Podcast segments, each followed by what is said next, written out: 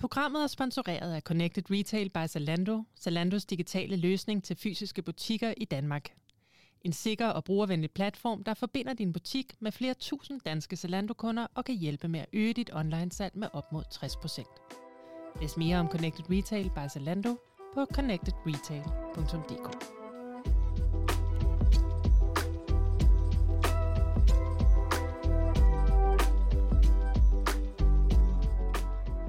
Velkommen til Fashion Forum på Lyd, en podcast, der dykker ned i aktuelle temaer og taler med dem, der sætter dagsordenen i den danske modebranche. I sidste uge var der Earth Day, som arbejder på at sætte fokus på en grønnere og mere bæredygtig fremtid. Her var der også fokus på en mere bæredygtig modeindustri med projektet My Planet, My Closet, hvor forbrugerne opfordres til at tage stilling til sit modeforbrug og søge viden om bæredygtig produktion og forbrug. Og det er virkelig noget, der bliver brug for i den kommende tid. EU har netop lanceret en ekstremt ambitiøs strategi for bæredygtige og cirkulære tekstiler, der skal være implementeret senest 2030. Det taler vi med lektor Ph.D. Elsa altså Skjold fra det Kongelige Akademi om, og hende får vi i studiet om et øjeblik. Herhjemme har rigtig mange brands som bekendt længe har fokus på at forbedre deres klimaaftryk, og i denne uge kunne man blandt andet læse på fashionforum.dk, at Woodwood har overgået sine egne mål i en ny CSR-rapport. De siger i dag, at de faktisk ikke var ambitiøse nok, da de i 2018 satte mål for, hvor langt de skulle være nået på nuværende tidspunkt. Men selvom de er længere end forventet, så betyder det ikke, at de hviler på laverbærene. Med ansættelsen af Susie Kristoffersen for nylig som deres CSR-ansvarlig, vil de fortsætte rejsen mod at blive et endnu mere bæredygtigt brand. Og det kan du læse meget mere om på Fashion Forum. Og så har Blanche nået endnu en milepæl på deres rejse mod at blive et ansvarligt modbrand. De har nemlig netop fået Fairtrade-certificeringen på alt deres bomuld fra Indien. Dermed er de også den første danske producent, der opnår den anerkendte certificering, der både tilgodeser gode mennesker og planet. Og både Blanche og Woodwood går den rette vej, for med den tidligere nævnte EU-strategi for bæredygtige og cirkulære tekstiler er det simpelthen nu, hvis man ikke allerede er i gang, at modebrands skal se ind i en ansvarlig produktion af deres kollektioner. I den nye strategi står der blandt andet, og hold nu fast, Senest i 2030 har tekstilprodukter, der markedsføres i EU, en lang levetid. De er genanvendelige, i vid udstrækning fremstillet af genanvendte fibre, uden indhold af farlige stoffer og fremstillet under hensyntagen til sociale rettigheder og miljøet. Forbrugere nyder godt af tekstiler af høj kvalitet til overkommelige priser i længere tid. Fast fashion er gået af mode, og økonomisk rentabel genbrug og reparation er bredt tilgængelig. Det har vi fået lektor Ph.D. i design og bæredygtighed på det Kongelige Akademi, altså Skjold, til at fortælle os meget mere om. Velkommen til dig, Else. Tusind tak. Det er dejligt, du er her. Else, det er jo en ambitiøs strategi, det her, en ambitiøs vision. Og øh, du har jo længe advokeret for behovet for politisk øh, indgriben og lovgivning på det her område. Men vil du ikke lige prøve at starte med at forklare, hvor betydningsfuld er den her strategi fra EU?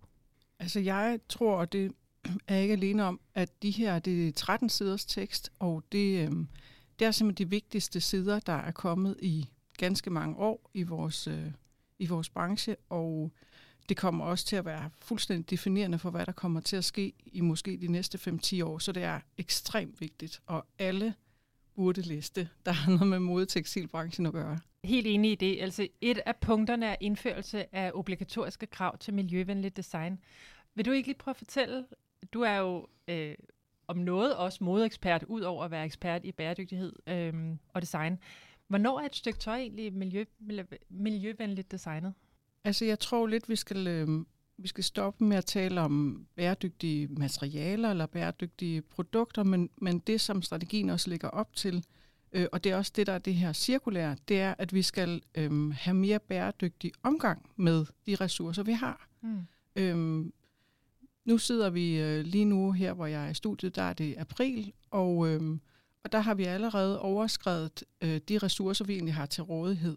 Øh, og det kan vi simpelthen ikke blive ved med. Og der er vi rigtig slemme i vores sektor. Vi bruger alt, alt for mange ressourcer, og vi bruger dem alt for kort tid. Og det er faktisk det, det handler om, og det er derfor, det er så, øh, altså så gennemgribende vigtigt et, øh, et dokument, fordi det sådan set siger, at det er slut. Hmm.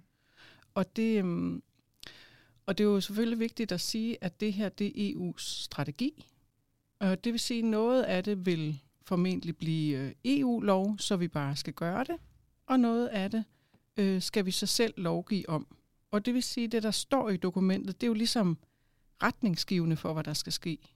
Øhm, men der står jo ikke sådan helt konkret, øh, hvad, hvad kommer loven til at være. Mm. Øhm, og det er der sådan flere eksempler på. Øh, så jeg tror, det, altså det allervigtigste, når jeg siger det der med, at det handler om omgangen, så er det helt, altså det er ligesom hele de her 13 sider, det er sådan et øh, manifest mod det, de kalder fast fashion. Mm. Det begreb bliver nævnt rigtig mange gange, og så kan vi jo tale om, hvad det egentlig er, og om, om det er noget, vi laver herhjemme overhovedet, eller øh, om det kun er sådan nogle skin og, og ting og sager, vi går og snakker om. Men det, der helt konkret står, og det der jo er den her cirkulære økonomi, det er, at al vækst, øh, det skal frakobles ressourceforbrug.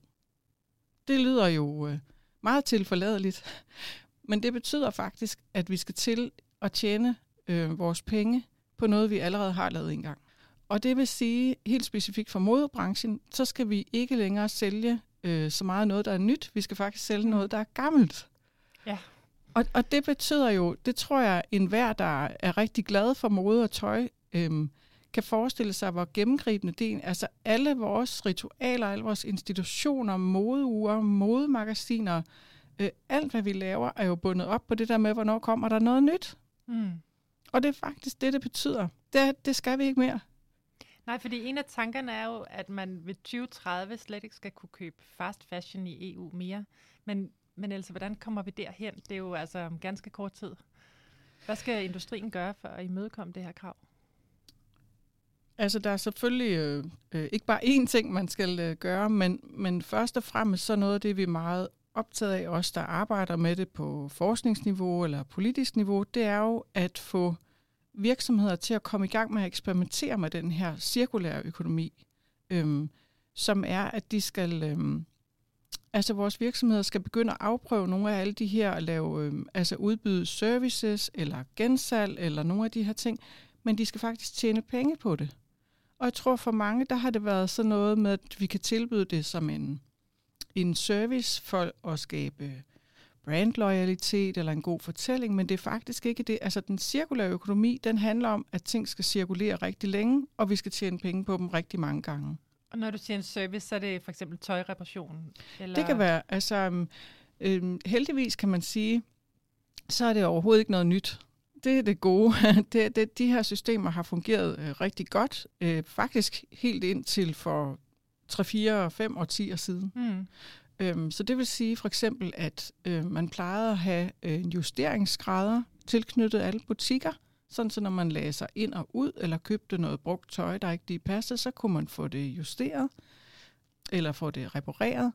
Og så det her med, at man faktisk også i mange kulturer har øh, forædlet ting gennem reparation. Altså man har faktisk gjort det endnu flottere. Mm. Øh, der er mange, der kender måske den her øh, japanske lappekultur, hvor det jo altså simpelthen også rent æstetisk og kunstnerisk er så himmelråbende smukt, det de laver. Så jeg tror også, det er rigtig vigtigt det her med, at det her betyder jo ikke, at nu skal vi stoppe med at øh, have det øh, vidunderligt og sjovt og dejligt med tøj. Altså måske faktisk lidt tværtimod. Mm. Øh, fordi jeg tror i al den her sådan øh, nyhedslogik, har vi måske lidt glemt at dvæle ved det tøj, vi har, elske det noget mere. Mm. Øh, fordi at det har været så billigt bare at købe noget nyt. Noget, jeg elsker det mere og i længere tid, ikke? Ja, og så tror jeg, øh, sådan noget andet, noget jeg er utrolig optaget af, fordi jeg jo er designforsker, det er den her forestilling om, at så skal man lave noget tidsløst eller klassisk. Og det er bare for at sige, at, at altså, man kan jo ikke det er ligesom at være en, øh, en forfatter og sige, nu har jeg tænkt mig at lave en klassisk bog. Eller en ja, filmskaber siger... Ja, nu, det kan man vist ikke, vel? Nej, det kan man ikke rigtigt. Det, det, men man kan, øh, men man, kan, øh, man kan efterstræbe det, og hvis man så har designet noget, der er virkelig, virkelig, virkelig godt, så bliver det en tidsløs klassiker. Mm. Fordi det simpelthen er designet så utrolig godt. Altså lige øh, her den anden dag var jeg på, havde jeg noget undervisning med øh, en masse voksne mennesker, og øh, der kunne jeg næsten ikke finde min egen trenchcoat, fordi nu er det blevet forår, og øh, alle havde bare den her trenchcoat på, fordi den er jo simpelthen så godt mm. designet. Så hvis man skulle oversætte det til, til det med en bog, at så er der noget med, med opbygningen, der skal være rigtig, og selve ordet eller materialet skal også være i orden. Altså når vi snakker om, hvad der er egentlig langtidsholdbart, så er det jo selvfølgelig klart, at det skal jo laves af noget, der teknisk kan holde til det. Mm. Øh, ellers så kan det ikke holde længe. Øhm, så er der noget øh, omkring, øh, altså hvor meget værdi det skaber. Altså synes jeg, at det er pænt til mig. Og det, og det er meget vigtigt det der med, at det går faktisk lige meget, om det så er skrigende pink med guldprint, eller det er små, fine, romantiske blomster, eller det er øh, ensfarvet kashmir, eller hvad det i alverden det er. Altså det vigtigste, det er faktisk, at den, der går med det, synes, det er herrefedt. Mm. Og så det sidste, det er, det er funktionelt langtidsholdbart, og det er opfylder lidt ligesom de funktioner, jeg har i mit liv. Altså øh, i mit liv, når jeg skal være pæn forskerdame, jeg skal i min have, jeg skal måske til en fest, Øhm, jeg skal løbe. Altså de forskellige funktioner, vi har. Der skal tøjet kunne levere det. Og der handler det jo om, når man så designer, at prøve at være meget egentlig tættere på den, man designer til. Og det tror jeg er en lille bitte smule, at vi kommer til at glemme. Mm.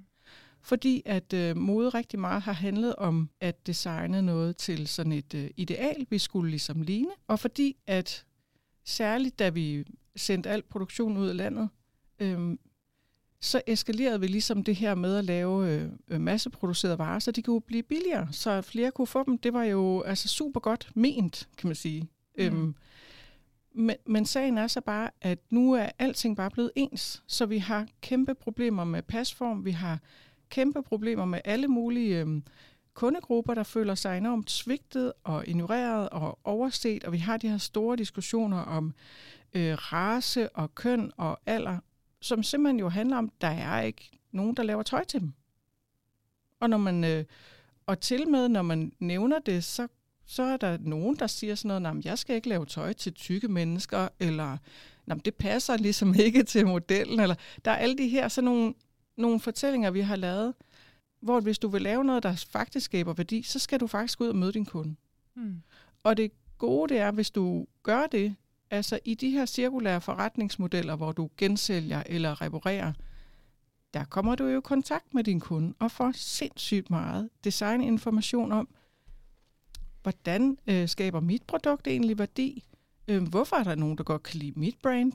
Øh, er der nogle ting, vi gør, hvis vi måske skulle justere på? Eller, og der er sådan, ud over pasform, som er sådan, altså ved at være derhen, hvor det er helt hen i skoven. Altså for at sige, det meste tøj øh, passer ikke til nogen så er der jo også nogle altså designmæssige kvaliteter, hvor man kunne sige, man kunne godt blive bedre til at sige, at man lige præcis det her, det er min kundegruppe, dem, dem øh, opdyrker jeg og rammer og, bedre. Og turde sig lidt mere nichet.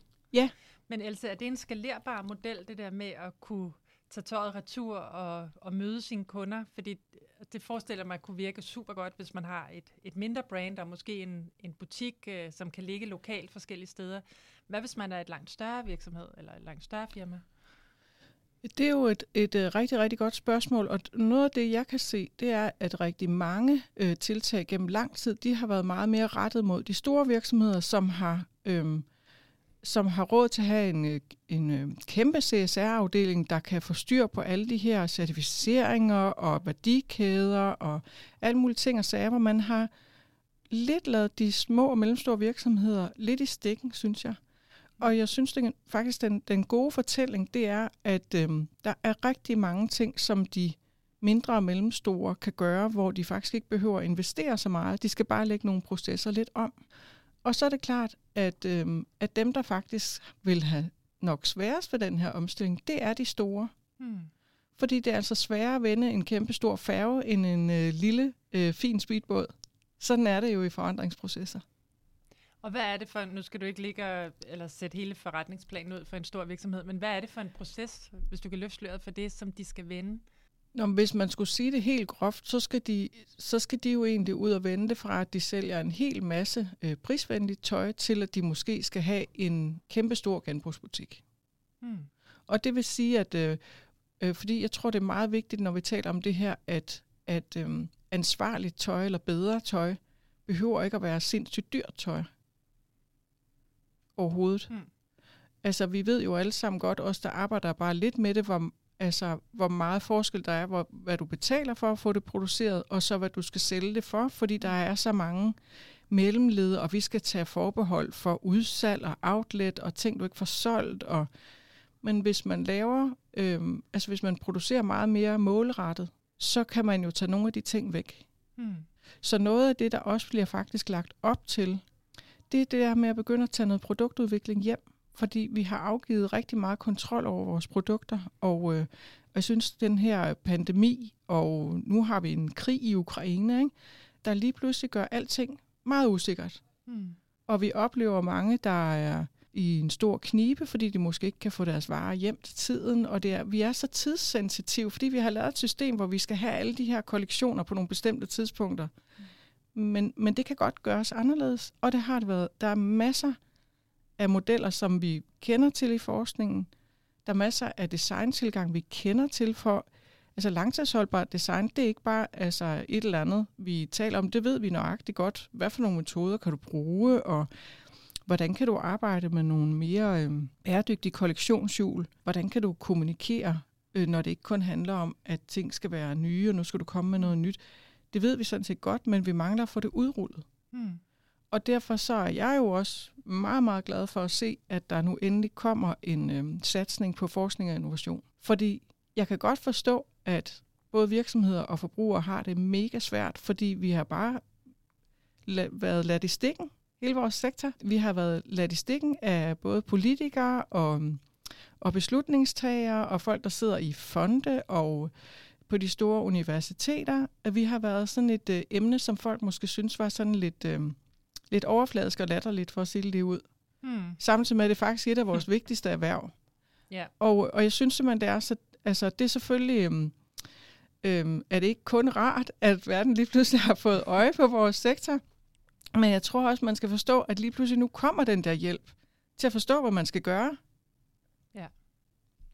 Altså hvis vi lige skal vende tilbage til strategien, er der så nogle andre centrale punkter, du vil fremhæve i den, som du har bidt særligt mærke i? Altså noget af det, der har været talt helt utrolig meget øh, om, og som vi var meget nervøse, øh, rigtig mange af mine øh, forskerkolleger og jeg, om det vil komme med, det er det der, øh, der hedder Extended Producer Responsibility, som simpelthen betyder, at du har ansvar for dit produkt, efter det er solgt. Hmm. Og det kan gøres på rigtig mange måder, hvor du ligesom kan finde ud af, hvad har du så ligesom ansvar for? Altså er det ligesom sådan en, øh, du ved, du har ligesom en vaskemaskine fem års ansvar, hvis det går i stykker, eller hvad snakker vi om? Øh, og noget af det, der også står, det er, at alle øh, produkter skal have et produktpas. Ja. Og det vil sige, at vi kan begynde at følge tøjet. Og det vil sige, hvis du designer noget, der giver, altså hvis vi nu lagde det sådan, det står der ikke, men hvis vi nu lagde det sådan, at du så lige pludselig, så kan du jo se, jamen har jeg lavet nogle produkter, der giver enormt høj værdi, der cirkulerer længe, der kan gensælges for enormt mange penge, som folk gider få repareret, så, så, så står du jo rigtig godt mm. i den her omstilling. Mens at hvis du laver nogle produkter, som der ryger nærmest ubrugt direkte ned i tekstilaffaldet, så kunne det være, at du skulle tænke over nogle ting. Ja, hvis du faktisk har et, som du først nævnte, der, der har et meget langt år, så kan du også være, at du kan øge prisen for det, faktisk tjene lidt mere ja. per produkt. Ja, og det, og det vi også, meget. altså, den, altså, fordi det hele humlen er jo ligesom, jamen, hvordan skal vi dog øh, tjene penge? Nu sidder der en eller anden øh, forskertype og siger, at vi skal bare lave nogle øh, færre ting, og hvordan, hvad er ligesom økonomien i det? Øh, men det vi kan se, når man laver noget, der giver værdi for mennesker, og, og, og forbrugerne ved, jamen her, der kan jeg komme, og så kan jeg blive øh, øh, imødekommet alt det, jeg har behov for, og jeg føler, at jeg ser enormt dejlig ud, og det opfylder mine behov, det vil vi gerne betale for. Mm. Men vi vil ikke betale for en vare, øh, hvor vi ikke føler, vi bliver mødt, øh, bare fordi, at der så er blevet brugt et eller andet øh, såkaldt bæredygtigt materiale. Nej. Og jeg tror, det er der, det ligesom er sådan lidt ulykkeligt for tiden. Øh, fordi tit så, så, så um, oplever jeg, at det, det er ligesom, at, øh, at de produkter, der er så mere ansvarlige, det er så også dem, der er sådan lidt mere kedelige. Mm. Øh, fordi vi har fået den der opfattelse af, at det skal være sådan øh, tidsløst. Men når vi kigger på, nu sidder jeg jo med 15 års forbrugerforskning i, hvad giver værdi for mennesker, når vi bruger tøj. Det gør det, når vi synes, det er pænt. Og ja. når det fungerer for os, og når vi føler os herredejlige i det. Og det er jo den gode historie. Altså er der egentlig nogle områder, du synes, der er blevet overset i den her plan eller strategi? Øhm, der er øh, en ting, som er, ligger mig meget på hjerte, og det er, at de taler om, øh, om øh, færdigheder. Altså man kan sige tekstile færdigheder. Øhm, altså efter vi, vi har både sendt al vores produktion ud, så vi har, altså al den ligesom viden og know-how, der var om, hvordan laver man et, et godt øhm, materiale, hvordan designer man, så, øhm, så det giver brugsglæde, alle de her ting. Men al den viden, den er jo gået på pension, og så ligger den i nogle gange i et land meget langt væk. Men vi er jo også på forbrugere, eller man kan sige blandt borgerne, er der jo heller ikke særlig mange kundskaber omkring tekstiler og tøj. Hvordan opbygger du en god garderobe, så den virker for dig? Hvordan behandler du det her materiale? Hvad er det overhovedet lavet? Altså vi har jo, vi har jo forbrugere i dag, der ikke engang ved, at bomuld det kommer fra en plante. Så, ja. øhm, så det her med, ligesom, hvordan kan vi øhm, få noget af det her viden tilbage, sådan så vi kan øh, få ligesom et øh, bedre liv med vores tøj. Ja, og på den måde også måske lære at passe bedre på det. Vi skal jo ikke meget længere tilbage end måske da vi to var børn, at man faktisk øh, reparerede sit tøj.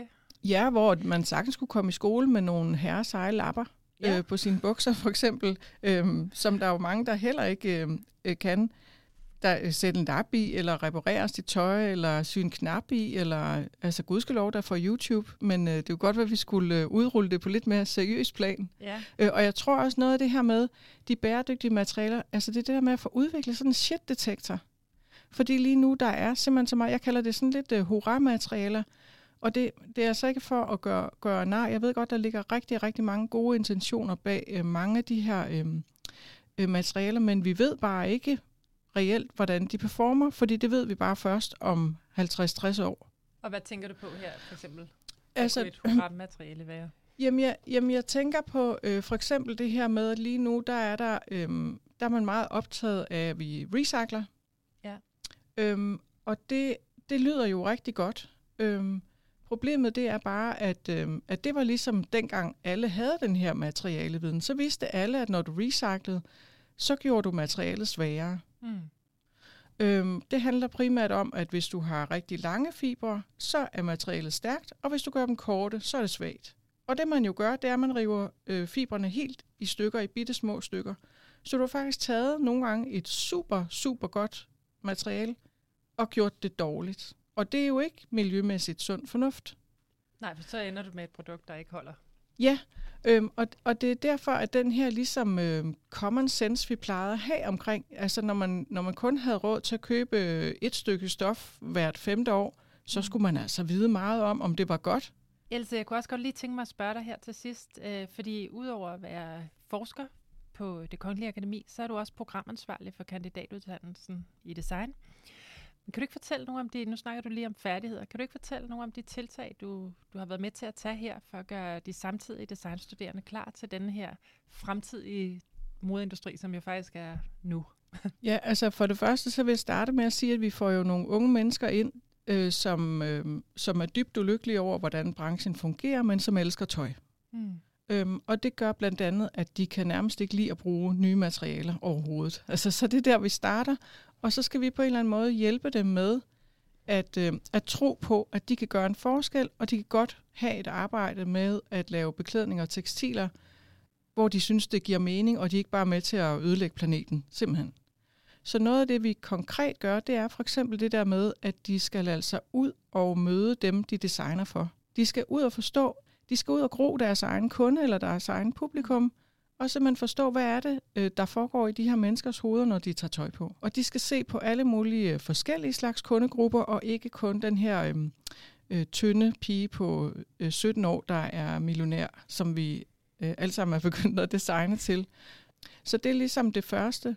Øh, for det andet, så man sige, inden for rammerne af det budget, vi har, øh, så prøver jeg at give dem så meget tekstilviden, som jeg kan ved, for eksempel, at de skal prøve at lave deres egne materialer. De skal simpelthen have fingrene ned at se, hvordan væver man et stykke stof, hvordan strikker man det, øh, bare for at de kan have en eller anden form for fornemmelse af, jamen, øh, hvad er det for nogle processer, hvordan kan jeg kommunikere og forstå øh, det, de taler om, dem der skal lave mine materialer. Og så prøver jeg også at sige til dem, at bæredygtighed sådan set indbefatter alt. Og deres opgave, det er at finde lige præcis deres vej til, hvor vil de være? Fordi der er ikke nogen, der kan gøre det hele. Og så siger jeg også til dem, at de kan ikke lave bæredygtighed alene. Og det tror jeg er meget, meget vigtigt, det der med, at vi, altså, vi står også lige nu, hver virksomhed for sig, og nogle siger også, at vi laver bæredygtigheden kjole for kjole. Men vi skal også forstå, at bæredygtighed meget tit kræver samarbejde. Og vi lige kommer ud af vores egne. Øh, der er også andre brancher, vi kan lære af, for eksempel. Hvilke for eksempel? Lige nu, der tænker jeg jo meget på, øh, ud fra mit vindue på det kongelige akademi på mit kontor, der kigger jeg lige ud på den her Amager-forbrænding, øh, der blev lavet for nogle år tilbage. Øhm, og det var jo strålende og flot arkitektur osv.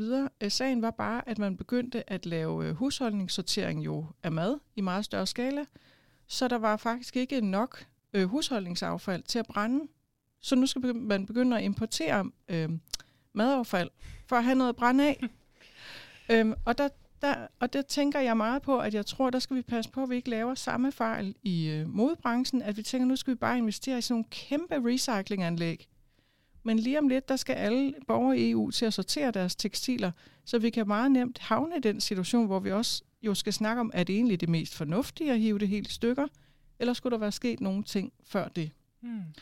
Og der kommer vi måske til det sidste punkt, jeg synes er meget vigtigt at bemærke, og det er, at strategien også handler om greenwashing. Mm. Og der skal være, der kommer så til at være meget mere kontrol over, hvad man egentlig siger. Øh, som for eksempel, at hvis man siger, at man er enormt bæredygtig, fordi man har recyclet man, materiale, men stadigvæk producerer en hel masse varer, der bliver brugt alt for kort tid, jamen så er man ikke bæredygtig. Mm. Eller så opfører man sig ikke bæredygtigt. Så der er mange ting, vi kommer til at skulle tænke om.